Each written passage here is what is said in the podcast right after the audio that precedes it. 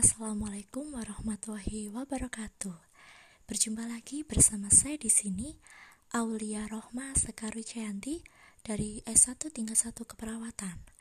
Oke, di podcast kali ini saya akan membahas tentang case management pada keperawatan komunitas atau manajemen kasus. Nah, apa sih case management itu? Case management merupakan sebuah strategi intervensi yang digunakan oleh penyedia dan sistem layanan kesehatan untuk menyokong klien, mengkoordinasikan layanan kesehatan, dan memfasilitasi hasil baik dalam harga maupun kualitas. Menurut Huber tahun 2010. Lalu, ruang lingkup case management. Ruang lingkup ini apa sih?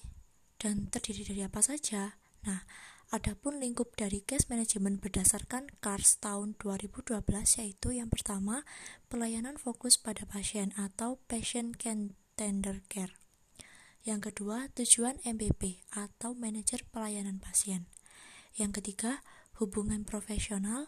Yang keempat, hubungan dengan pasien. Yang kelima, kelompok pasien.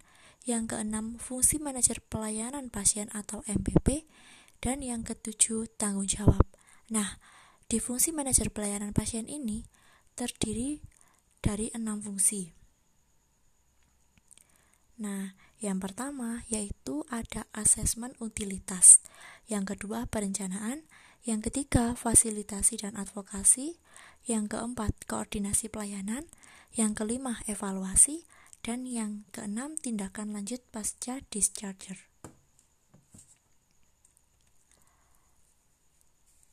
Lalu saya akan membahas tentang proses manajemen kasus dalam pelayanan keperawatan kesehatan komunitas. Yang pertama yaitu melakukan seleksi kasus yang membutuhkan pelayanan keperawatan kesehatan di rumah melalui metode manajemen kasus. Nah, antara lain apa saja?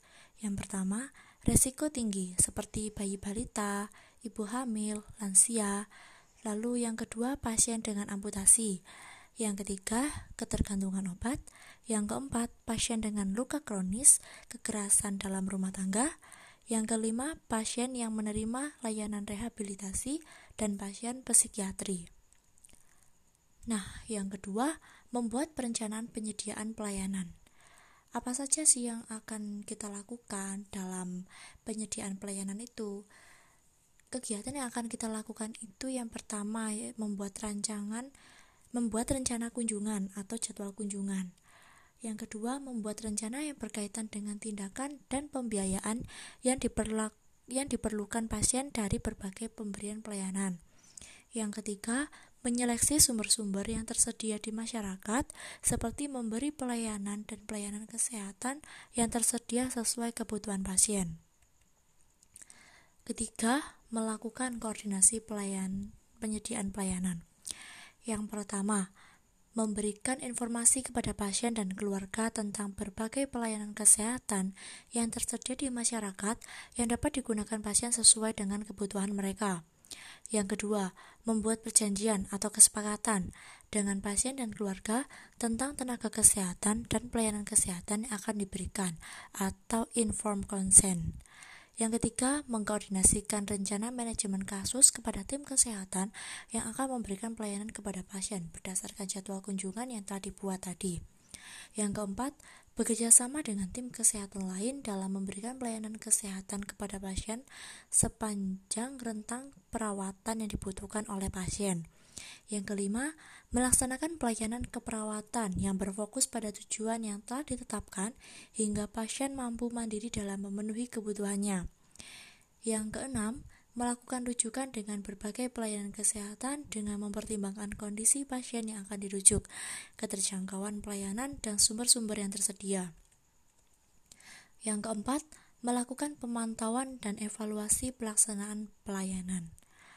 Nah, di sini kita dapat melakukan pemantauan dan evaluasi itu dengan cara yang pertama, melakukan monitoring tindakan yang dilakukan oleh tim kesehatan serta perkembangan pasien terkait dengan perubahan status medis, perubahan fungsional pasien, kebutuhan pendidikan kesehatan pasien dan keluarga. Yang kedua, menilai respon atau hasil akhir pelayanan untuk membuat keputusan tentang penghentian perawatan di rumah. Lalu kita akan membahas tentang pencatatan dan pelaporan. Yang pertama pencatatan. Pencatatan ini terdiri dari dua, manajemen kasus dan pelaksanaan asuhan keperawatan. Yang pertama kita bahas yaitu tentang manajemen kasus. Nah, manajer kasus ini bertanggung jawab untuk membuat dokumentasi tentang pelayanan yang diberikan pada pasien dan keluarga dengan meminta masukan dari tenaga kesehatan yang merawat si pasien. Lalu yang kedua, pelaksanaan asuhan keperawatan. Perawatan dalam melaksanakan asuhan keperawatan bertanggung jawab membuat dokumentasi asuhan keperawatan setiap kali melaksanakan kunjungan sesuai dengan prinsip pendokumentasian. Dan yang terakhir kita bahas yaitu pelaporan. Manajer kasus secara rutin. Secara rutin ini dapat kita katakan seperti bulanan, triwulan, tahunan, Nah, itu memberikan laporan kepada pengelola pelayanan keperawatan kesehatan di rumah.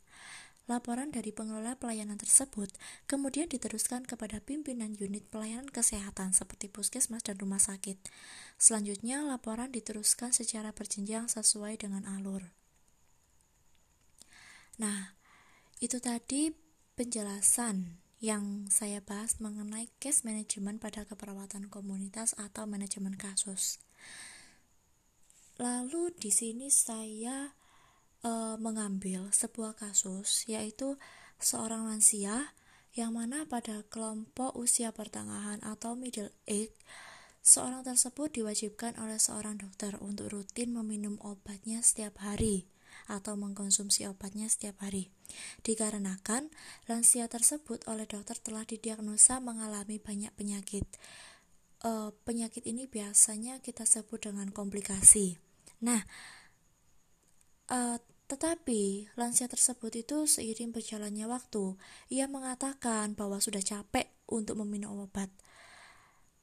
Dan jadi terkadang dia meminum obat itu cuma satu kali dalam sehari, bahkan tidak meminum juga. Karena alasannya capek, terus juga alasan jumlah obat yang dimilikinya itu sangat banyak sekali. Karena dokter memberikan obat tersebut itu dikonsumsi selama satu bulan full, satu bulan penuh. Lalu setelah pergantian bulan, dokter menyarankan untuk uh, kontrol bulanan, kontrol bulanan rutin untuk melihat kondisi lansia tersebut. Tetapi lansia tersebut uh, tidak rutin dalam menjalankan jadwal kontrol tersebut. Nah, sekian dari saya. Apabila ada salah kata, saya mohon maaf. Terima kasih. Wassalamualaikum warahmatullahi wabarakatuh.